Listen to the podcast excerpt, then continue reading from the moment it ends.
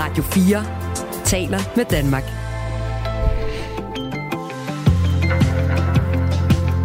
Velkommen til Radio 4 morgen. Æv, æv, æv. Hej, sikke en fuser. Ja, det blev en kæmpe fuser. Andreas Mogensen, han skulle jo have været afsted til den øh, internationale rumstation her om et par timer eller tre. Det er aflyst. Det bliver Ej. ikke til noget. Og her havde vi øh, dækket op til øh, rumfest og øh, raketfest, og jeg skal give dig. Og, øh, og så bliver det altså ikke den helt store fest i dag. Men det gode er altså, at øh, opsendelsen jo øh, bare er skubbet 24 timer. Så øh, skal vi ikke sige, at vi her til morgen tager forskud på, øh, på festen? Jo, og er det så ikke også en meget god nyhed, at nu bliver den sendt op på en fridag, eller på en lørdag i hvert fald, så der er måske flere, der kan følge med, end hvis det havde været i dag. Mm. Vi, vi holder lidt rundfest, rundfest alligevel. Det gør vi. Jeg håber, at du har lyst til at være med, dig der lytter med. Vi øh, kunne jo også øh, kigge lidt på, at der er kommet en milliard kroner årligt til velfærden i Danmark. En milliard kroner, som øh, kommer efter, at formændene for de danske regioner har råbt op om, at de i hvert fald mangler penge. Nu bliver der fordelt lidt til regionerne, lidt til kommunerne, men øh, det er øh, slet ikke godt nok. Det lyder det fra blandt andre sundhedsordfører hos Danmarksdemokraterne Jens Henrik Tulsendal, og han uddyber sit synspunkt på det, når klokken er cirka 10 minutter i syv. Og det Danske Filminstitut har valgt de tre film, som skal kæmpe om at blive Danmarks bedste bud på en Oscar-vinder. Og en af filmene har en helt særlig fordel, og dermed måske også en særlig god chance for at blive det endelige danske bud på den bedste internationale film. Og den fordel, den har et navn. Den hedder Mads Mikkelsen. Hmm. Og filmen hedder Bastarden. Vi uh, taler med den filmkyndige chefredaktør ved magasinet Eko om cirka et kvarter, og vi taler selvfølgelig om, hvilken af de her tre film, der nu er kommet på den her liste, som har den bedste mulighed for at ende med at være den, som uh, Danmark sender til Oscarfest. Det og, øh, og meget mere, og øh, en raket, som øh, ikke bliver sendt afsted, det er Michael Robach og Christina Ankerhus. Godmorgen. Godmorgen. Du lytter til Radio 4 morgen. Kæmpe fuser, altså den øh, danske astronaut Andreas Mogensens opsendelse til den internationale rumstation er øh, aflyst i dag. Det oplyser NASA. Christoffer Karoff, lektor i øh, astronomi og fysik ved Aarhus Universitet. Godmorgen. Godmorgen. Kan man lave sådan en, øh, en, en skuffeskala fra 1 til 10? Hvor skuffet er du så? Det er, det er ikke så slemt. Altså, det her det er øh, mere, mere vildt, end, end det er unormalt, at, at de her ting bliver, bliver udsat. Så, så det var forventeligt, at, at den vil blive udsat. Mm. Øh, lige præcis øh, grunden til, at det blev, så blev udsat, kan måske være lidt anderledes, men, men, men det, det er vi helt sikkert vant til, at altså, nogle, nogle opsendelser her bliver udsat. Hvad fortæller NASA om øh, årsagen til, at det blev aflyst her til morgen? Øh, så der var et, eller, øh, øh, et russisk fartøj, der lagde til rumstationen øh, i går, øh, og de øh, oplevede nogle problemer, da de lagde til, øh, som skal undersøges, øh, inden man, man sender et nyt fartøj op. Det er den, den grund, der bliver, bliver givet. Øh, ikke noget, der, der øh, altså, øh, burde være kritisk, men, men når man oplever nogle ting, der er uindsigts, eller hvad skal man sige, som man ikke forstår, så er man nødt til at undersøge dem til fulde, før at man, man begynder at sende mennesker derop. De øh, skubber opsendelsen til i morgen, altså bare 24 timer. Kan de nå at blive klar og undersøge eventuelle fejl og mangler på den tid? Ja, det burde ikke, øh, det burde ikke være noget problem. Øh, altså, øh, som sagt, så er det ikke, altså, man forventer ikke, der er noget, så, så, så det er bare at, at lige have ro og tid til at gå det hele igennem og være sikker på, at man ikke øh, gør, noget, gør noget forhastet. Så, så det, øh, det burde bestemt være muligt. Men, men så kan der jo komme andre ting. Altså vejret er jo som altid øh, en, en joker i det her, øh, og, og Florida er kendt for at, at have øh, orkaner og sådan noget på det her tidspunkt. Så, så, så det øh, kunne være en, en, være en ting, der spiller ind. Øh, en anden ting, som, øh, som ikke er meldt ud, at det er derfor, at det er forsinket, det er, at, at rumstationen har været nødt til at lave en, en såkaldt undvige-manøvre for noget øh, rumskrald. Øh, det gør den en håndfuld gange om året, at den ændrer sin bane for, at, at der ikke er et rumskrot, der skal, skal styrte ind i den. Øh, men når den så ændrer sin bane, så skal man selvfølgelig til at beregne nye baner til, hvordan øh, øh, Andreas Mogensens Dragon-kapsel skal ligge til. Øh, så, så der er rigtig mange ting, der skal øh, fungere i samspil og rigtigt, for at man kan sende sådan en raket op. Øh, så, så derfor må vi heller ikke blive skuffet, hvis den bliver udsat i nogle gange. Vi taler med Christoffer Karoff, der er lektor i astronomi og fysik ved Aarhus Universitet. Nu er vi jo sådan lidt skuffet. Nu sad vi klar og skulle holde en kæmpe rumfest. Hvordan tror du, astronauterne har det? De er helt fuldstændig vant til det her, så, så der er ikke, øh, de er, er helt rolige. Altså specielt Andreas Mogensen er jo, er jo kendt for at være virkelig rolig. Altså du kan springe en bump ved siden af ham, og der sker ikke noget. Så det her tager de uh, fuldstændig afslappet, og det havde de forventet, og det er det, de forberedt på. Detaljerne om øh, aflysningen af morgens opsendelse af Andreas Mogensen og de øh, andre astronautkolleger, det øh, kan vi tale mere om, Christoffer Karf, når du øh, besøger os lidt øh, senere her til morgen i studiet. Lektor i astronomi og øh, fysik ved øh, Aarhus Universitet. Tak for det øh, nu. Selv tak. Altså, øh, hvis alt går efter planen, ja, så øh, kommer de afsted i øh, morgen, øh, bare 24 timer nøjagtigt efter, at opsendelsen skulle have fundet sted i, øh, i dag. Så, øh, men, men vi holder lidt fest alligevel. Rumfest skal der til, ikke? En fredag. Klokken er 10 minutter over 6. Radio 4 taler med Danmark. Wagner-gruppens leder Prigozhin er meldt død, og i aftes der kondolerede Putin Prigozhins familie. Med på det nedstyrtede fly øh, var også kommandøren Dimitri Utkin, som også øh, skulle være øh, næstkommanderende altså, og den, der i sin tid har stiftet den her leje her, altså Wagner-gruppen. Så hvor står Wagner-gruppen i dag? Det skal vi tale om nu. Karen Filippa Larsen er Ph.D.-studerende med speciale i Wagner-gruppen ved Dansk Institut for Internationale Studier. Godmorgen. Godmorgen. Hvad tænker du sådan helt aktuelt, altså helt dagsaktuelt, hvor befinder Wagner-gruppen sig lige nu? Er den i opløsning, eller hvad, sker der?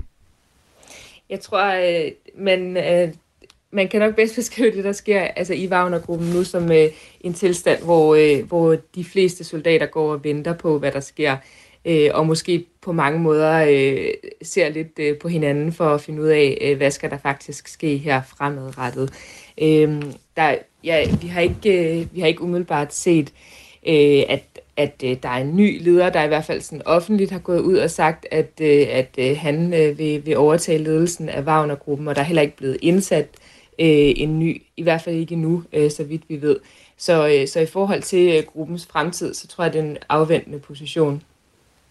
I juni, der blev øh, Prigozhin jo verdensberømt, da han ligesom øh, gik mod Moskva, fordi han var utilfreds øh, med øh, den øh, russiske forsvarsminister og øh, de forhold, som øh, de gav Wagner-gruppen i Ukraine. Og så øh, senere hen, så øh, blev øh, der lavet en aftale om, at Wagner-gruppen, eller i hvert fald øh, Prigozhin, skulle opholde sig i Hvide Rusland. Øh, Karen Filippa Larsen, hvor er Wagner-gruppen nu? Altså er de i Hvide Rusland? Vi ved jo også, de er i Afrika. Har de et hovedkvarter? Eller du ved, hvor, hvor er de henne? Ja, Altså, øh, man kan sige, ja, først og fremmest, så øh, de missioner, de har rundt omkring i Afrika, de virker stadigvæk ret upåvirkede. Altså, de kører stadigvæk videre. Så der er jo i hvert fald nogle soldater i de forskellige afrikanske lande, øh, som vi har kendt, altså som vi, vi, har, øh, vi har vidst øh, før også. Øh, og så er de i Hvide Rusland, øh, ja. Og, og der er altså heller ikke nogen ændring her. Øh, jeg har i hvert fald ikke set noget, der tyder på, at, øh, at det tropper er, øh, er ved at skulle flytte, eller et stort antal tropper er ved at, er ved at bevæge sig. Så de, øh, de, de er øh, på de baser, hvor, øh, så, som de også var før, øh, før Prigozhin og, og Utkin her øh, øh, omkom for nogle dage siden. Helt aktuelt i Ukraine, spiller de overhovedet en rolle i krigen dernede nu, eller er de alle sammen væk fra Ukraine? Så vidt vi ved, er de faktisk alle sammen væk fra Ukraine. De er trukket tilbage og væk fra, fra, fra, fra krigen der øh, allerede der tilbage, øh, øh da de lavede deres retfærdighedsmarsch, som de selv kaldte det her, det her oprør. Umiddelbart efter det, så blev de alle sammen øh, enten øh, flyttet til, til, til Belarus, eller, øh, eller øh, fik mulighed for at underskrive kontrakt med, øh, med det russiske forsvarsministerium, og derfor indgå i, i den sådan almindelige russiske hær. Mm. I går der var der forlydende om, at øh, soldater fra Wagner-gruppen, øh, som har opholdt sig i Hvide Rusland, var på vej mod Moskva. Ved du noget om det? Mm. Ja, altså, øh, ja, ja, altså man kan sige, ja, det, det, det hørte vi i går. Øh, jeg, jeg ved ikke, om, øh, om, øh, om det har udviklet sig videre, eller det jeg ved er, at jeg, det ikke har udviklet sig videre øh, endnu. Øh, og, og, øh, og i forhold til, øh, hvor, hvor, hvor langt øh, eller kort øh, de her soldater er nået, øh, Øh, så ved vi, øh, vi ikke så meget mere om det. Wagner-gruppen er en privat leje her, som blev grundlagt tilbage i 2014, og siden da der har de arbejdet på vegne af Rusland flere steder i verden. I 2014 der støttede lejesoldaterne pro-russiske, pro oprør i det østlige Ukraine, hvilket senere ledte til Ruslands annektering af Krimhalvøen. Og siden da der har gruppen øh, også opereret flere steder i Mellemøsten og på det afrikanske kontinent. Jeg taler med Karen Filippa Larsen, som er Ph.D.-studerende øh, med speciale i Wagner-gruppen øh, ved Dansk, det Danske Institut for Internationale Studier. Kunne man egentlig forestille sig, at nu, når nu Prigozhin er død, og også grundlæggeren øh, af Wagner-gruppen er død, at den så går helt i opløsning? Ja, det er egentlig meget nærliggende at tænke, vil jeg sige. Altså øh, det her med, at, øh, at både øh, ans, altså gruppens sådan meget markante ansigt udladet til Prigozhin, øh, og, så, øh, og så Dimitri Utkin, som har været øh, en meget markant figur inde, altså i gruppen, internt i gruppen. Når begge de to figurer de er væk, øh, så vil jeg sige, at det er meget sandsynligt, at gruppen øh, går i opløsning, med mindre at der virkelig er en, måske internt i Wagner-gruppen, som, øh, som træder til og er klar til ligesom at påtage sig det her ledelsesansvar. Øh, men altså, ser vi det, der sker ikke sådan øh, inden for så mistede vi Karen Filippa Larsen. Øh, hvis du kan høre mig, øh, Karen, så prøver vi lige at ringe dig op på telefonen. Vi har lige et par spørgsmål mere, vi gerne vil øh, nå at stille dig. Vi kigger lige ud. Vi snakker jo om, øh, om Wagner-gruppen, der har mistet sine øh, leder og sine øh, stifter efter et Prigozhin øh, døde i går, eller i forgårs så er det jo så nu øh, flyet, der styrtede ned onsdag i øh, Rusland. Det samme øh, gjorde også Dimitri Utkin, der er kommandør ved øh, Wagner-gruppen og øh, har stiftet lejeherren i øh, sin tid. Så vi øh, prøver jo at få fat i øh, Karen Filippa Larsen, phd studerende med speciale i Wagner-gruppen ved Dansk Institut for Internationale Studier. Der var en øh, dårlig forbindelse til en, og vi vil jo så frygtelig gerne høre, hvilke konsekvenser det har for, for Wagner-gruppen, at de nu øh, står uden leder og øh, stifter. For øh, sikkert er det, at øh, Wagner-gruppen, ja, hvor sagde hun egentlig, de var henne? Hun var i Hviderusland, Belarus? Nu er vi med igen. Ja, og øh, Karen Filippa Larsen er med os. Ja, det var godt, vi øh, havde noget rigtig dårlig lyd på dig, desværre, øh, Karen Filippa Larsen. Okay. Øh, så jeg tager lige det spørgsmål, du var ved at svare på. Kan det her betyde, at øh, Wagner-gruppen altså går i opløsning, når nu øh, de to frontfigurer er ude? Øh, ja, altså det, det, vil jeg, det vil jeg anse for at være meget sandsynligt. Øh, altså vi, øh, vi, vi kan jo se her, at, øh, at både gruppens ansigt udad til, altså øh, Prigozhin og, og Dimitri Utkin, som, som virkelig har været en, en, en leder af gruppen indad til, de, de, er, de er væk nu, så jeg vil anse det for at være meget sandsynligt, at med mindre øh, der er øh, inden for den meget kort øh, fremtid her, eller i nærmeste fremtid, øh, nogen, der sådan tager, påtager sig det her ledelsesansvar i gruppen, at, at øh, vi vil se en gruppe, som begynder at gå i opløsning. Ja. Men det er jo sådan set en forretning. Har det egentlig været en god forretning, eller har det mest af alt været noget, øh, en, en gruppe Putin kunne bruge til, øh, til, til sine krige? Mm. Det er jo noget, øh, der faktisk er ret mange mennesker, der har prøvet at undersøge det her med, øh, har det været, ja, lige præcis som du siger, det er en, renta- en rentabel forretning. Og der er meget, der tyder på faktisk, at deres operationer i Afrika også har givet en vis form øh, for økonomisk overskud, den måde, de opererer på, eller har opereret på, i hvert fald op til nu i Afrika, at Øh, de har, øh, de har øh, fået rettigheder til naturressourceudvindinger. Og det er både guld og diamanter, og de har, de har noget skovbrug i den centralafrikanske republik. Og, og det er jo selvfølgelig altså, meget usikkert, fordi det hele øh, er meget uofficielt, hvor mange penge øh, eller hvor, hvor, hvor meget indtægt det har genereret. Øh, men der er altså noget, der tyder på, at, øh, at det har været en, en god forretning, og at det har, øh, har genereret en vis indtægt. Sådan sagde Karen Filippa Larsen. Tak fordi du var med. Selv tak. Om time, der taler vi med en russer og en ukrainer om øh, Prigozhin. Øh, de her, den her russer og ukrainer er, er nogen, der bor i Danmark. Du lytter til Radio 4 morgen. Den danske astronaut Andreas Mogensen skulle efter planen være sendt afsted ud i rummet her fredag morgen, men hele eventyret er blevet rykket et døgn 24 timer. Han øh, reagerer nu selv på det, Andreas Mogensen, og øh, skriver på øh, sin egen Facebook-side. Vores opsendelse er desværre udskudt 24 timer. Vi prøver igen lørdag morgen kl.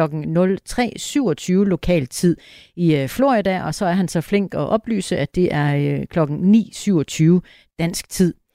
Ja, han skulle jo have været sted, Andreas Mogensen, sammen med tre astronautkolleger, og øh, opsendelsen skulle have foregået øh, 9.49 i dag. Og hvis øh, alting går efter planen, ja, så kommer han afsted, men med øh, et døgns forsinkelse. Helt præcis, hvorfor at øh, raketten ikke bliver opsendt øh, her til morgen, det har NASA ikke oplyst, men øh, som vi øh, hørte her lidt tidligere fra Christoffer Karov, der er lektor i astronomi og fysik ved Aarhus Universitet, så handler det muligvis om, at en øh, russisk rumkapsel skulle lægge ved øh, til ved den internationale rumstation i går, og oplevede der nogle øh, omstændigheder, der ikke var helt som de skulle være. Det var, hvad Christoffer Karov fortalte. Han er med os senere, også her til morgen, til at uddybe lidt mere om det. Radio 4 taler med Danmark. Det Danske Filminstitut har øh, udpeget de tre film, hvoraf en nu skal udvælges som Danmarks bedste bud på en Oscar-vinder i øh, kategorien Bedste Internationale Film. De tre udvalgte film er øh, Bastarden af Nikolaj Arcel, så er det Når befrielsen kommer af Anders Walter, og en dokumentarfilm Apollonia, Apollonia af Lea Glob. Claus Christensen, ansvarshavende chefredaktør ved filmmagasinet Eko. Godmorgen. Godmorgen.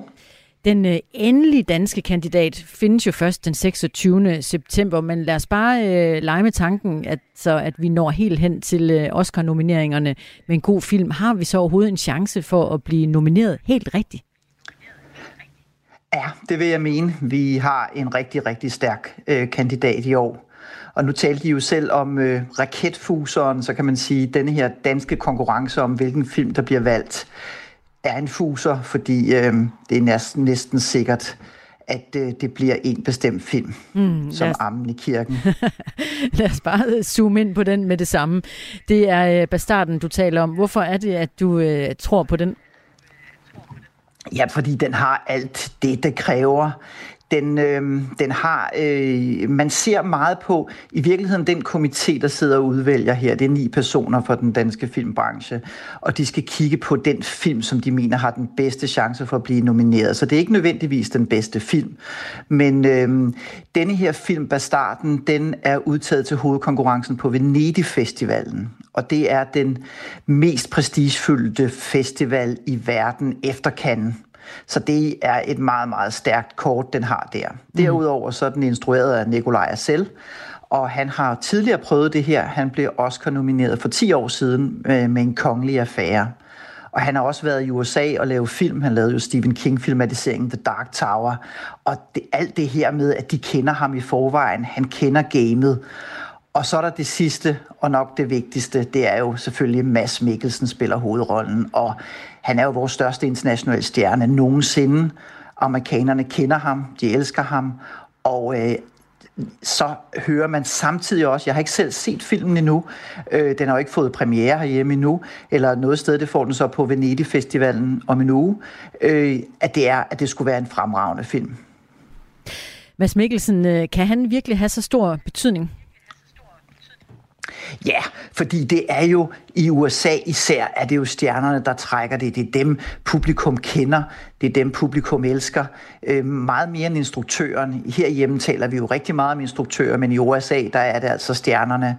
Og når man har en udenlandsk film, som, som er øh, en god film, og så samtidig har et, øh, et navn, som de kender i forvejen, så er det klart, det er noget, de her øh, medlemmer af Oscar-komiteen jo så vil kigge efter.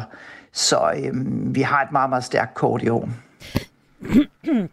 Og lad os bare lige se på øh, altså, hvad proceduren i det. Altså nu har øh, det Danske Filminstitut udpeget de tre film, hvoraf man øh, senere herhjemme skal vælge det bedste bud til at gå videre til den næste udvælgelse. Altså vi er jo ikke engang sikre på at blive nomineret overhovedet i kategorien bedste internationale film. Men skulle det komme dertil, ja så øh, spår du altså øh, Bastarden faktisk en mulighed for at, øh, at, at blive udvalgt.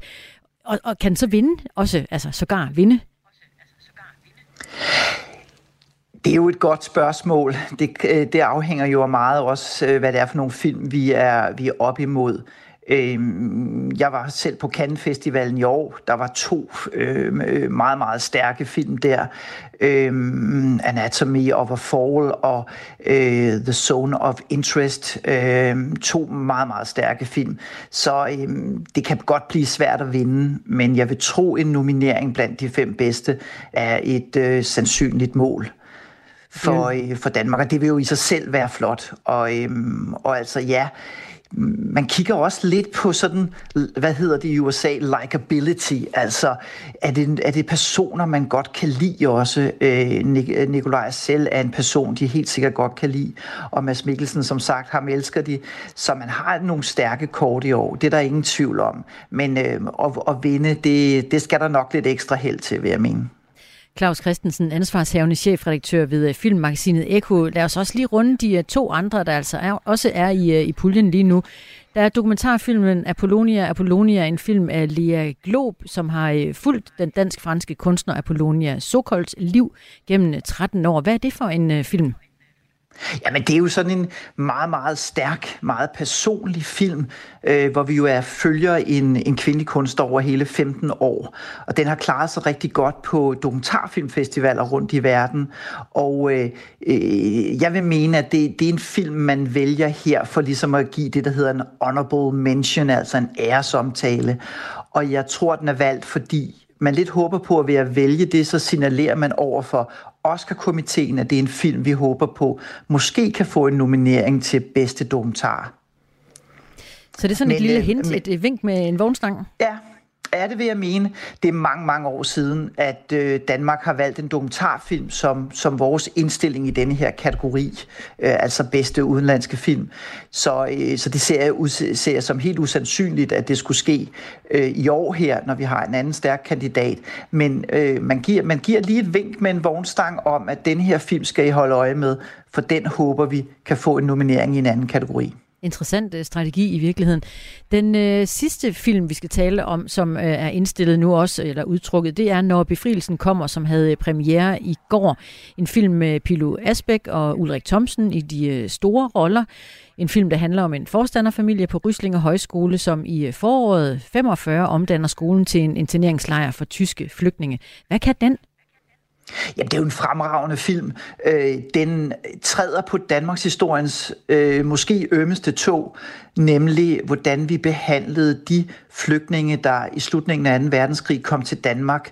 Øh, det var jo helt afgjort, at Tyskland ville tabe krigen, og så kom der en masse flygtninge, og øh, den danske modstandsbevægelse øh, sagde simpelthen, at dem skal vi ikke hjælpe. Øh, og den her film handler så om et forstanderpar på Ryslinge, som øh, bliver tvunget til at inkvartere de her øh, flygtninge, og som vælger næstekærligheden over hævngærigheden, kan man sige. Altså vælger at, at hjælpe de her øh, mennesker, og der, der bliver de så frosset ud. Øh, så det er et modigt drama, et, der gør op med, øh, med øh, hvordan vi agerede under besættelsen, og det er også en, en øh, meget øh, medrivende film. Man bliver meget engageret i den. Peter Asbæk spiller aldeles fremragende. Så i et almindeligt år, kan man sige, så vil denne her være favorit til at blive øh, vores kandidat til Oscar. Men øh, der er bare en gigant, den er op imod, som den efter min mening ikke har en chance overfor. Men omvendt så taler den måske lige præcis ind i en, en tid, en, en verden med, øh, med krig og, og kriser. Kan det betyde noget for, øh, for det videre forløb for den? Ja, det er, jo, det er klart, når man har en film, som ligesom kan være aktuel på en eller anden måde, og spille ind i en politisk offentlighed også. Det er et kort i det her. Og, øh, og, det, og det er klart, det vil holdet bag, øh, når befrielsen kommer sikkert den kommende måned, spille på. Det er om en måned, at øh, Filminstituttet så vælger den endelige øh, kandidat. Så, øh, så, så det vil man nok slå på trummen på, og så håber man selvfølgelig også, at en masse mennesker kommer ind og ser, når befrielsen kommer og går ud og fortæller, at det her det er bare en, det er bare en fremragende film. Men jeg vil mene, øh, nu skal man jo aldrig sige aldrig i denne her verden, men den har lidt tabt på forhånd, fordi den ikke har markeret sig på øh, internationale festivaler sådan for alvor. Så øh, det, man kigger på, det er, øh, er omverdenen allerede nu opmærksom på den her film, og der må man sige, der vinder Bastarden suverænt. Den er lige et par skridt foran de andre. Claus Christensen, ansvarshavende filmredaktør ved Filmmagasinet Eko. Tak for det, og godmorgen. Selv tak. Og hvis du nu ligger der hjemme under dynen og tænker, nu skal du snart hen til fjernsynet, for du skal da se optag til, at Andreas Mogensen skal ud i rummet, så bliv bare liggende og lyt til Radio 4. For den her opsendelse, den er altså udskudt til i morgen klokken 9.27. Du kan faktisk ligge og gasten så længe, hvis ikke du har andre planer. Ja. Og selvom den er udskudt, øh, så kommer vi selvfølgelig også til at tale lidt om det øh, her i dag, fordi den skulle altså komme afsted i morgen. Vi holder forfest. Det gør vi nemlig. Klokken den er halv syv. Nu er der nyheder på Radio 4. Der kommer til at gå lidt længere, før vi kan følge Andreas Mogensens anden tur til rummet. Den danske astronaut skulle have været opsendt med affyringsraketten Falcon 9 fra SpaceX til formiddag, men den er blevet aflyst. Opsendelsen til den internationale rumstation er blevet udskudt til i morgen, hvor NASA vil forsøge opsendelsen kl. 03.27 amerikansk tid. Det er kl. 09.27 dansk tid. Det oplyser NASA i en kort meddelelse. Opsendelsen er allerede blevet udskudt flere gange. Andreas Mogensen selv har kommenteret på udsættelsen. Vores opsendelse er desværre udskudt i 24 timer. Vi prøver igen lørdag morgen, skriver han på Facebook. Spoler man tiden et år tilbage, var der stor frygt for en vinter med energimangel, efter at Rusland havde skruet gevaldigt ned for leveringerne til Europa oven på krigen i Ukraine. Efter at have været rekordhøj, har gasprisen nu fundet et mere normalt leje, og udgangspunktet er stærkt forud for efteråret og fyringssæsonen.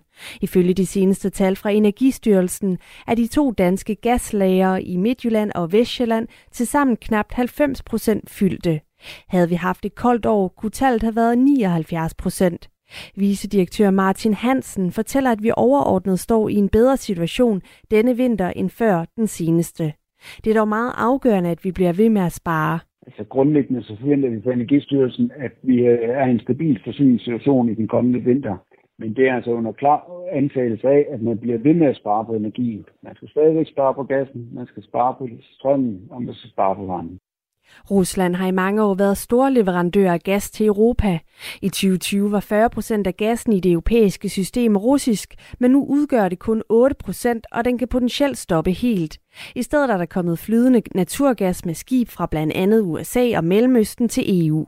At vi nu i højere grad henter gas på et globalt marked frem for regionalt, gør det dog mere følsomt over for usikkerheder, og ifølge Martin Hansen er særligt Kina en af de store jokere den gas, der i dag sejler til Europa på skib, det der hedder flydende gas, det er, om den øh, kører til Kina, hvis den økonomiske aktivitet stiger i, øh, i Kina igen.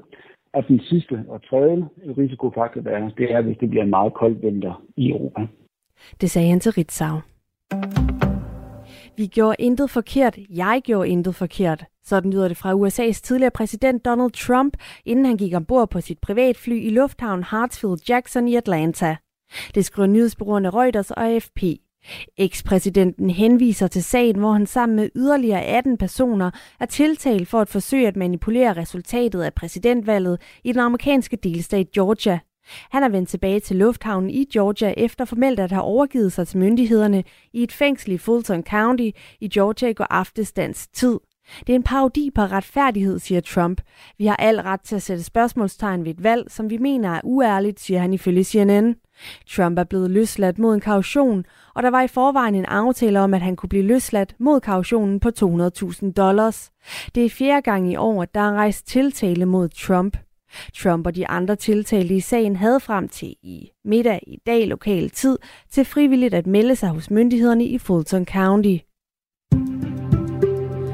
Skyde med byer mange steder, der først på dagen kan være kraftigere med torden, men i dagens løb der klarer det op med mest tørt vejr og lidt eller nogen sol. Temperaturen den kommer til at ligge mellem 16 og 23 grader, og efterhånden der får vi en svag til jævn vind omkring vest. Og senere på aftenen og natten bliver der let skyet til skyet vejr, og især mod sydøst kommer der flere byer. Du lytter til Radio 4 morgen. Husk, du kan skrive en sms til os på 1424. fredag morgen, og øh, klokken er 4 minutter over halv syv. Som jeg ser det på vejrkortet, så er landet delt over i øh, to. Nogen vil øh, vågne og tænke, oh my god, er det gået hen og blevet vinter. Det er mørkt udenfor, og det står ned i stænger med regn. Og andre vil vågne og tænke, at det bliver en fin dag, men det var ikke ved, kan jeg så fortælle jer, for så kommer regnen nemlig til jer lidt senere. Og lad os da lige give en stemningsrapport fra Banegårdspladsen i Aarhus. Hvis vi kigger ud af vinduerne, så står det ned i stænger helt sindssygt. Og jeg føler, det er sådan en decembermorgen. Vi skal have lidt julemusik, og er det den stemning, det bringer til mig. Det er også meget mørkt, fordi ja. det er så overskyet. Lad os, øh, lad os komme i gang med øh, historierne. Flere hundrede mindre danske virksomheder er i de her dage ramt af et alvorligt cyberangreb. Firmaet, de har haft mailsystemer og hjemmesider hos, er nemlig blevet lagt ned af hackere, der kræver 1 million kroner i løsepenge. Det er noget, vi t- kunne fortælle om tidligere på ugen her på Radio 4 morgen. Nu kræver erhvervsorganisationen SMV Danmark så, at det nationale cybersikkerhedsråd træder i karakter for angrebene har gjort, at nogle virksomheder har mistet hele deres grundlag. Blandt dem er Per Jacobsen fra Fyn, der ejer handelsvirksomheden 5610 EU. Han sagde sådan her på Radio 4 morgen onsdag morgen. Vi arbejder på net, og det kan vi så ikke mere, fordi vi har ikke nogen hjemmeside, vi har ikke nogen e-mailadresse. Pernille Birk er ansvarlig for SMV Danmarks digitaliseringspolitik. Godmorgen. Godmorgen. Og for dem, der har glemt det, så er SMV Danmark en erhvervsorganisation for små og mellemstore virksomheder. Som du lige kunne høre, så er der flere danske virksomheder, som nu er ramt af et omfattende cyberangreb. Hvad er jeres reaktion egentlig på det?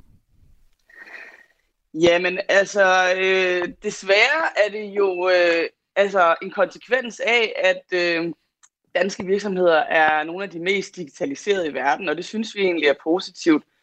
Så, øh, men det kommer desværre ikke bag på mig at høre om den her slags historier, fordi at øh, når vi bevæger os mere online, og virksomhederne gør, jamen, så bevæger de kriminelle sig jo også ind i cyberspace. I kølvandet på de her, øh, altså på den her seneste, de her seneste cyberangreb, så efterspørger I handling fra det nationale cybersikkerhedsråd. Hvorfor det? Jamen, det er fordi, at øh, det nationale cybersikkerhedsråd indeholder nogle øh, meget, meget øh, store kompetencer i form af nogle meget øh, flotte hoveder. Øh, og det, øh, altså, det er jo både professorer, og det er både fra nogle af de store danske virksomheder, og hvad hedder det, Center for Cybersikkerhed. Så vi mener, at der er nogle rigtig gode kompetencer, som Digitaliseringsministeriet simpelthen ikke udnytter nok i forhold til at øh, gøre noget ved cybertruslen, særligt mod de små og mellemstore virksomheder. Cybersikkerhedsrådet øh, det er et øh, offentligt privat samarbejde, der rådgiver regeringen om, hvordan den digitale sikkerhed styrkes og sikrer videndeling mellem myndigheder, erhvervsliv og forskningsverden. Og Cybersikkerhedsrådet har 20 medlemmer og har eksisteret siden februar 2022, altså godt halvandet år. Hvad er det øh, helt konkret, I mener, at, at de bør gøre? Altså, jeg tænker, at øh, man øh, skal have Cybersikkerhedsrådet til at lave en akutplan, vi kunne sige, at de fik fire måneder, det kan også være seks måneder, men de får en relativt kort tidsperiode. Og så skal de lave nogle forslag. Vi kunne sige, hvis de kunne komme med 8-10 forslag til, hvad kan vi gøre ved cybertruslen nu og her. Selvfølgelig kan de ikke få cybertruslen til at forsvinde, det ved jeg godt. Men hvad hedder det nu? Kunne man måske gøre noget, som man ikke gør i dag, der øh, hvad hedder det, øh, gør det lettere at sikre sig mod øh, hvad hedder det, cyberangreb? Det vil jo være øh, et sted at starte. Øhm, og det, det, det tror vi bare, at der er rigtig mange kompetencer til inden det cybersikkerhedsråd, så vi synes, det er ærgerligt, at man ikke fra Digitaliseringsministeriets side udnytter de kompetencer noget bedre. Har I, øh, har I SMV Danmark på noget tidspunkt brugt noget af den viden, som uh, Cybersikkerhedsrådet er kommet frem med indtil videre? Ikke noget, som jeg er bekendt med i hvert fald. Men noget af det, du efterlyser, er det ikke noget, man kan købe sig til? Altså øh, sådan nogle konsulentfirmaer og andre, der, øh, er konsulentfirmaer og andre, der har forstand på cybersikkerhed? Det kan man. Øh, hvad hedder det? Det, der så bare er, det er, at øh, IT-folk er nogle øh, af dem, som øh, vi har mangel på for tiden. Og når man så kigger på de øh, små virksomheder, så har du måske ikke, øh, eller du har sandsynligvis ikke økonomisk overskud til at ansætte en øh, IT-person, og så skal du købe servicen udefra. Og fordi der er mangel på dem, jamen, så er det for det første rigtig svært at få fat i, så det er ikke sikkert, på, det er ikke sikkert at du kan få fat i en person, der kan hjælpe dig med din IT-sikkerhed. Og hvis du får fat i en person, kan det være så enormt dyrt, at det kan være svært for de helt små at betale for den hjælp. Og derfor mener vi, at øh, der skal noget øh, ekstraordinær hjælp til øh, i de små og mellemstore virksomheder på det her område. Fordi det er et stort problem, og det koster dem rigtig, rigtig mange penge. Tal fra Danmarks Statistik viser, at 26 procent af alle virksomheder sidste år oplevede brud på IT-sikkerheden. For de helt små virksomheder, der oplevede 23 procent et angreb, og for de lidt større med op til 100 ansatte, er det 34 procent af virksomhederne, som er blevet angrebet. Og for de mellemstore er tallet helt op på 41 procent. Hvorfor mener I, at det er Cybersikkerhedsrådet, der skal gøre noget, og ikke jer selv? Jamen, øh, vi mener selvfølgelig altså også, at vi øh, skal gøre noget. Vi mener også, at de små og mellemstore virksomheder har et ansvar for at tage deres IT-sikkerhed øh, alvorligt. Øh, så der skal jo også ske der skal også ske en kulturændring ude i virksomhederne, som man først og fremmest er ansvarlig for som øh, virksomhedsejer. Øh, hvad hedder det nu? Sørg for, at alle dem, der sidder foran en computer, ved, hvad de skal gøre, når de får nogle mærkelige mails, når de får mærkelige henvendelser omkring at sende penge et sted hen, de aldrig har hørt om før. Så der er også rigtig meget, man kan gøre ude i de små virksomheder, men vi anerkender bare, at udfordringen er for stor for de helt små, så vi håber, at øh, man øh, fra lidt mere officiel side vil give dem en hånd med at løfte nogle af de her udfordringer. Det var Pernille Birk. Hun er ansvarlig for SMV Danmarks digitaliseringspolitik. Tak fordi du var med her. Ja, god dag. I lige måde. Vi hopper direkte videre til Jakob Herbst. Godmorgen. Godmorgen. Du sidder i det her cybersikkerhedsråd, som uh, Pernille Birk gerne så træde mere i karakter og få en mere aktiv rolle. Du sidder i rådet som uh, repræsentant for IT-sikkerhedsfirmaet Dubex, hvor du selv er sikkerhedsspecialist. Har hun ret i, at I som råd burde gøre mere? Man kan sige, som Pernille også siger, så sidder vi jo en, en lang række gode kompetencer i Cybersikkerhedsrådet, og jeg så da meget gerne, at, man, øh, at vores ressourcer bliver brugt noget mere, og vi hvad skal man sige, var noget mere synlige og noget mere ude, hvis det rent faktisk kan, hjælpe, kan være med til, at der er nogle flere virksomheder, der begynder at tage deres, øh, deres cybersikkerhed seriøst. Så det synes jeg sådan set er en, en rigtig fin og, og et stykke vejen også, øh, øh, hvad hedder det, korrekt øh, input, som, som Pernille hun kommer med der. Hvor ser du, at de som råd helt konkret kunne gøre noget mere?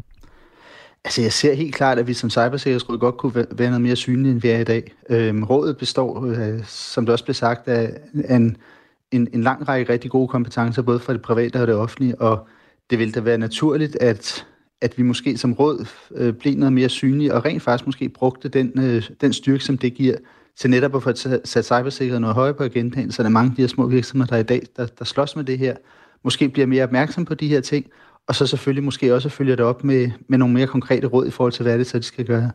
Øh, man kan sige, at Cybersikkerhedsrådet har jo blandt andet været involveret i at udarbejde de her øh, hvad hedder det, tek- tekniske minimumskrav, som man bruger i den offentlige sektor. Så det vil jo være et eller andet sted, vil, vil skridtet jo ikke være voldsomt langt for os måske at komme med nogle, med nogle konkrete råd i forhold til, til mindre virksomheder. Og har du sådan en forklaring på, at I ikke er kommet med dem? Øhm, jeg tror måske, at jeg tror måske, at, at der måske kan være lidt en, en udfordring i det her med, at, at man er en, en offentlig-privat øh, sammensætning, som man er her, og, og dermed måske også nogle gange kan være lidt svært helt at finde ud af, hvad er det præcis for en rolle, øh, vi, vi, som, vi som cybersikkerhedsråd skal gøre, skal spille, hvor, hvor, hvor skal vi være henne.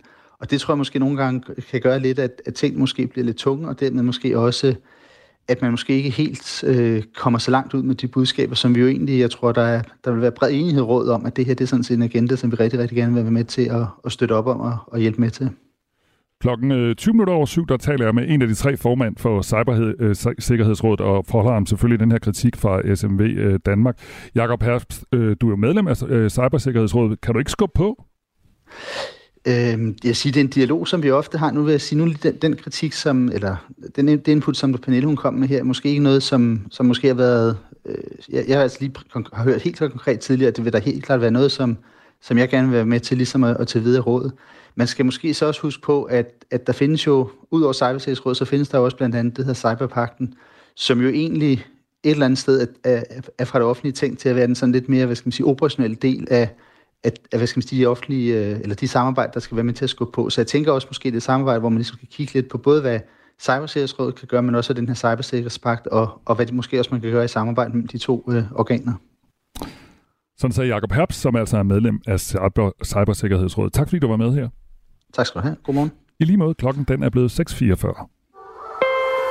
Musik 4. er en hurtig genvej til at komme ind bag facaden. Hvis man skal sige essensen af, hvem er jeg, så er det de samme. Ind bag den offentlige person. De synger også irriterende godt. I Portrætalbum bruger Anders Bøtter musikken til at vise nye sider af sine gæster. Gita Nørby, Tim Christensen, Sofie Gråbøl, Anders Akker, Allan Olsen. Både dem, du er fan af, og dem, du ikke troede, du havde noget til fælles med. Velkommen til Portrætalbum på Radio 4. Lyt til Portrætalbum i dag kl. 17.05. Norge aber efter. Nu øh, donerer de også F-16 kampfly til Ukraine. Det øh, fortæller norske VG. Og meldingen kommer fra den øh, norske statsminister Jonas Gahr Støre under et besøg i Ukraines hovedstad Kiev i går. Detaljer om antal og tidsplan for leverancen kommer vi til at vende tilbage til, siger han ifølge VG. Og Norge følger altså på den måde øh, trop efter Danmark og efter Holland, der i weekenden fortalte, at de øh, donerer F-16 kampfly til Ukraine. Det er godt nyt for Ukraine, siger Peter Ernst ved Rasmussen. Han er journalist på mediet Olfi. Han har også været på frontlinjen her på Radio 4. Men der er en ting, siger han, man skal huske på, når man glæder sig over de her donationer. Jamen, der er slet ikke tvivl om, at det vil gavne Ukraine, men vi skal også bare lige huske på, at det er jo ikke nogen fly, der kommer i morgen. Først skal man uddanne piloterne, og de første piloter vil være uddannet i løbet af et halvt års tid. Det vil sige, at vi skal hen på den anden side af øh, årsskiftet. Danmark donerer de første seks fly omkring årsskiftet, og så kommer der yderligere otte i løbet af 2024, og så kommer de sidste fem i 2025. Og det vil sige, at der går lang tid før, at alle fly er operative. Og selv når øh, flyene er nået frem, er der faktisk stadig nogle forhold, der kommer til at gøre det svært for ukrainerne at bruge flyene. Ukraine er et gigantisk land. Det er på størrelse med Frankrig. Det har en frontlinje, der er meget, meget lang. Og det, der er det helt afgørende her, og, og som i virkeligheden gør, at det stadigvæk bliver svært for Ukraine, det er, at Ukraine har ikke noget lufttankning. Og F-16-fly kan flyve skarpe missioner i en til to timer, men fordi afstanden er store, så skal der være mange fly. De skal kunne afløse hinanden, og de skal øh, ikke flyve alt for langt for at komme ud til der, hvor de skal være effektive. Så, så der går lang tid før, at øh, F-16-fly vil spille den helt afgørende forskel for Ukraine. Og nu er Norge altså det tredje land, der donerer kampfly. Også Holland og Danmark donerer. Og det er jo altså ikke de her tre lande de største spillere sådan rent militært. Og derfor så er der også en tydelig årsag til donationerne, i hvert fald i Danmarks tilfælde, det siger Peter Ernst ved Rasmussen fra Olfi. Jeg tror godt, at vi kan regne med, at en af de vigtigste årsager til, at Danmark er så langt fremme, øh, når det kommer til donationer til Ukraine, det er ikke mindst for at købe aflad for det øh, virkelig øh, hvad kan man sige, øh, forsvar, der, der lidt og hænger i laser. Altså, vi har i mange år slet, slet ikke leveret det til NATO, som vi skulle. Og det står lysende klart for hver i dag. Nu kan vi så ved at være langt fremme, og så kan man sige, at vi skulle alligevel skifte kampfly, så kan man donere dem, og så kan man der få lov at shine og øh, høste noget ros. Men det er også lidt øh, for, fordi, at vi, øh, vi skylder fra fortiden.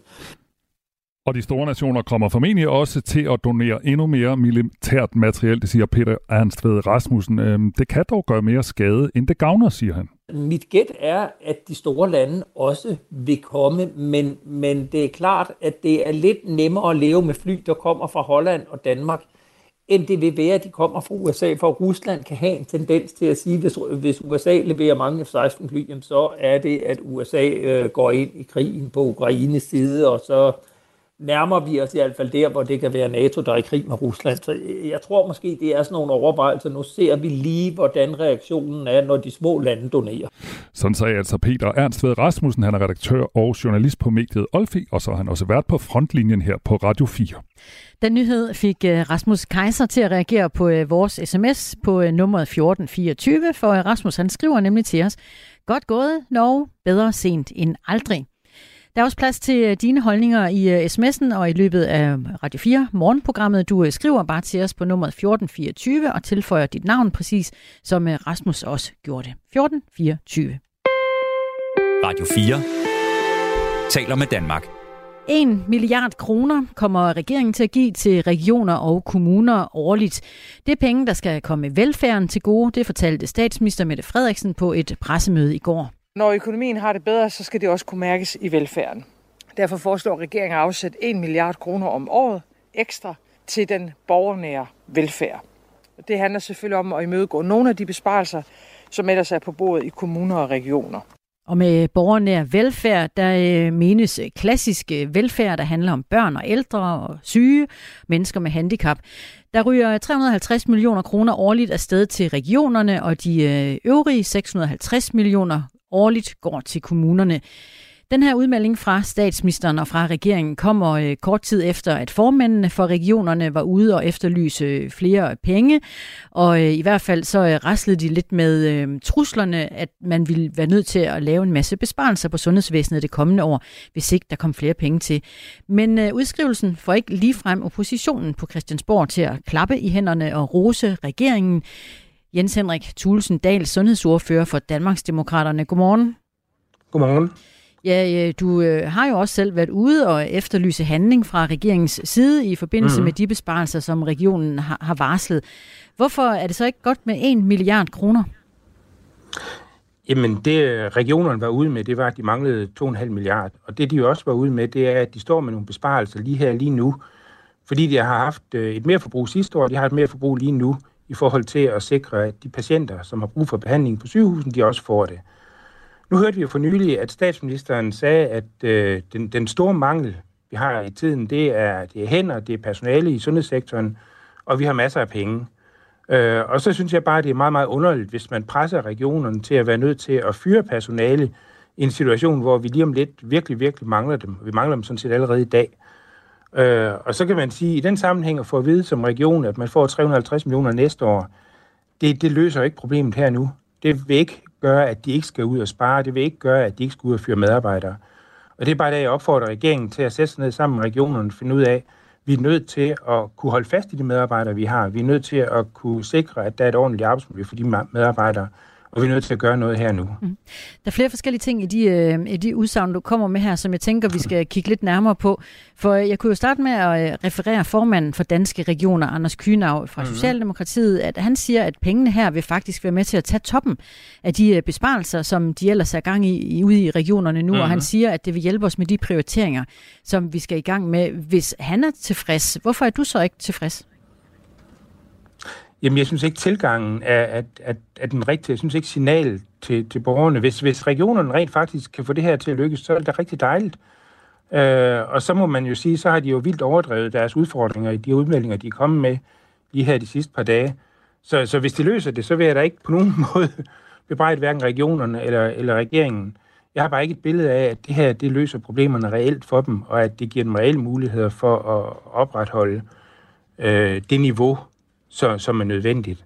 Så, så de meldinger har jeg i hvert fald brug for lige at få også fra, fra regionerne. Fordi Men det, så, det så sagde det han faktisk i går, Anders ja. Kynav, øh, til Ritzau blandt andet, netop at pengene vil være med til at tage toppen af de besparelser, vi er i gang med ude i øh, regionerne. Og så ved vi jo også, at der kommer en sundhedspakke 5 milliarder kroner frem mod år mm. 2030, 20. så der kommer jo også flere penge, som du efterspørger nu. Så hvorfor er det, du reagerer så kraftigt nu? Altså jeg kunne jo friste Jamen... til at sige, at det var sådan et uh, klar parat uh, reaktion. Ja, nej, det er det faktisk ikke. Det handler også om, at vi har hørt historier de seneste måneder fra blandt andet psykiatrien rundt omkring i landet, hvor de rent faktisk er inde og skære i personalet, hvor de er inde og, og sige, at det har ikke råd til at opretholde det niveau, der er nu. Øh, og når de, når de står der, så er jeg virkelig, virkelig bekymret. Der har ikke været svaret fra regionerne, at selvfølgelig skulle man ikke skære, fordi regionerne, og det er jo deres opgave, de siger jo også, at hvis vi har så så mange penge, så får vi dem til at, at strække, og så, øh, så må vi jo, altså så sikrer de, at de når budgetterne, og så skærer de der, hvor det er nødvendigt at skære, og skære ned i behandlingerne i det omfang, det er nødvendigt for at holde budgetterne. Og det, og det er sådan set også deres opgave. Men der synes jeg, at regeringens opgave er at sikre, at regionen rent faktisk kan holde fast i de medarbejdere, de har, og kan sikre, at øh, der er nogle rammer og nogle forhold, som, som gør, at man kan komme videre. Øhm, vi har lige senest haft et, øh, det eksempel med, hvad hedder fra Glostrup, hvor der var en i psykiatrien, der bliver myrdet. Øh, og det, jeg hører lige den anden dag, det er, at arbejdstilsynet har været ude og give dem påbud på, at arbejdsmiljøet for de sygeplejersker, der arbejder der, ikke er i orden. Det skal der også midler til. Men altså, den så, er jo også aftalt med en, øh, en, en 10-årsplan for psykiatrien. Den ligger i et kapitel for sig. Lad os lige prøve Nej, det er den, det er den faktisk ikke. Den 10-årsplan er aldrig blevet lavet. Vi venter faktisk på stadigvæk på at blive indkaldt til forhandlinger om den 10-årsplan. Det er også noget af det her. Altså, der bliver sagt rigtig mange ting, men der bliver ikke reelt handlet fra regeringens side.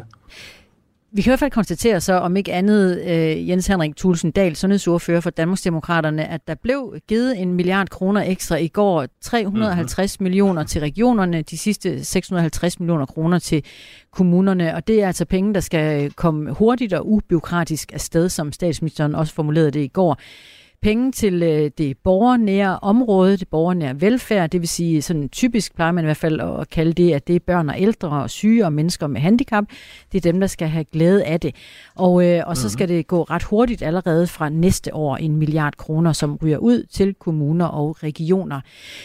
Vi hører Anders Kynav sige, at det tager toppen af besparelserne. Alligevel siger du, mm. at, øh, at vi kommer ikke til at undgå øh, fyringer derude. Han har faktisk ikke talt om, øh, om fyringer, Anders Kynav, i regionerne. Han taler om prioriteringer andre steder mm. i, øh, i systemet. Hvorfor øh, trækker du fyringer op af hatten her til morgen? Ja, fordi det også bliver nævnt i den her sammenhæng, og fordi det også rent faktisk det, der er sket rundt omkring i psykiatrien i hvert fald. Og man kan sige, at det at få ekstra midler næste år, det gør selvfølgelig, at det bliver lidt lettere for, for regioner og kommuner at lægge budgetterne. Øh, men, men det gør jo ikke, at man kan bruge flere penge i år. Øh, og de står faktisk med nogle, nogle besparelser, der skal gennemføres i år, for at få budgetterne for i år til at hænge sammen. Så, så man kan sige, at det næste spørgsmål til regeringen, det vil sådan set være at sige, jamen okay, får de penge let og byråkratisk lige her, lige nu, så de kan bruge dem til at undgå de øh, besparelser og de indsatser, som, som de ellers må nødvendigvis gå og planlægge ud på, på de enkelte sygehusafdelinger lige nu.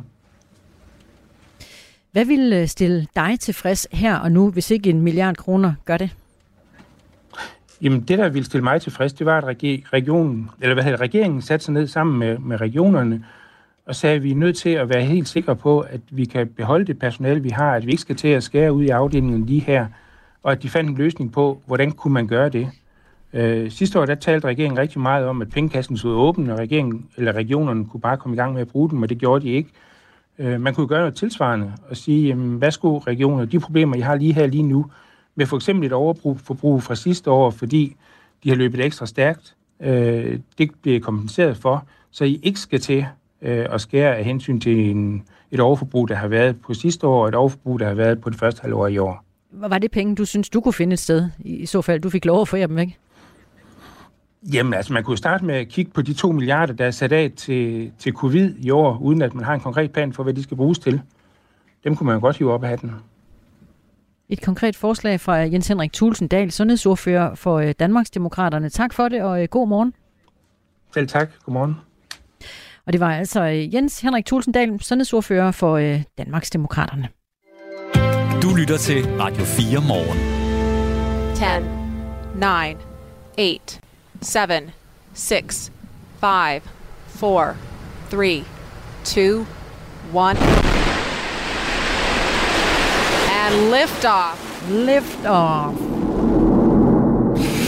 Ah, sådan ja. skulle det have lyttet her 9.49, og sådan kommer det så ikke til at lyde, fordi den længe ventede tur ud i rummet med vores egen astronaut Andreas Mogensen, den er blevet udsat til i morgen kl. 9.27. Og vi og andre medier, medier og masser af andre øh, og masser af danskere, tænker jeg, havde egentlig ret op til, at der skulle være den store rumfest i dag. Men det bliver altså i morgen, og jeg har taget de positive briller på, Christina, ja. fordi jeg tænker, jamen der er mange, der er fri om lørdagen, så er der altså en mulighed for at se med, øh, fordi de fleste af os går jo på arbejde om fredagen. Så nu havde jeg jo egentlig forberedt, at jeg ved alt om Andreas Mogensen. Men det ved du også i morgen. Det er jo det gode ved Præcis. Hvad vil du vide? Hvor gammel er han? 46. Øh, hvor er han født henne? Okay, hvor er han gået i skole henne? Han har gået i skole mange steder. Han har taget en øh, international studentereksamen fra noget, der hedder Copenhagen International School i Hellerup. Og så er han øh, i 99 blev han civilingeniør i flyteknik ved øh, et universitet i London. Og i, fra 2003 til 2007, der tog han en Ph.D. i rumfartsteknik ved Universitetet i Austin i Texas. Og det her med at blive astronaut, altså du kan høre på hans øh, uddannelses-CV, at det er altså noget, han har drømt om altid. Han har selv sagt, at det er en drøm, han har haft, siden han gik i 4. og 5. klasse. Man må også sige, at han har jo ligesom rykket den vej med alle sine uddannelser, øh, så han kunne blive astronaut. Og det er jo så lykkedes. Han blev jo faktisk den første dansker i rummet nogensinde, da han i 2010 blev optaget som øh, astronaut i ESA, og da han i 2015 var på sin første mission, øh, da han var ude i rummet. Og den mission, der skulle have løbet af staten i dag, det er altså den, der hedder Hugin. Den bliver ikke til noget. Eller den bliver til noget i morgen. Ja, ja, det bliver jo det, det, vi skal huske. Glemte du lige de positive briller Ja, der? tror jeg, nok. de vippede lige til den ene side. Hugin, øh, det betyder, at Andreas Mogensen han skal være ude i rummet i, øh, i hele seks måneder. Vi talte med Christoffer Karoff, lidt tidligere lektor i astronomi. Øh, og han, vi spurgte, "Hvad- hvordan tror du egentlig, at Andreas Mogensen han har det her til morgen? Han, han påstår, at øh, han er garanteret helt cool. Altså, han er den mest cool i hele verden, påstod han. Og øh, han ved godt, at når man vågner sådan en morgen, at så kan man risikere, at der ikke er afgang. Så øh, næppe meget skuffelse der, men bare sådan øh, hardcore nøgtern. Okay, så bliver det i morgen. Det er sejt nok. Men det tænker jeg også, hvis man skal være astronaut, så tænker jeg, at det er simpelthen måske det, den allervigtigste egenskab, det er, at man er rolig. Is i maven. Ja, fordi hvis man ligesom skal sidde med fire-fem andre mennesker oppe i rummet i et halvt år, så tror jeg, det kræver, at man ligesom ikke hisser sig op. Så han tager det roligt, det er jeg sikker på. Det tror jeg på. Vi skal have nyheder. Klokken er syv. Du har lyttet til en podcast fra Radio 4. Find flere episoder i vores app, eller der, hvor du lytter til podcast.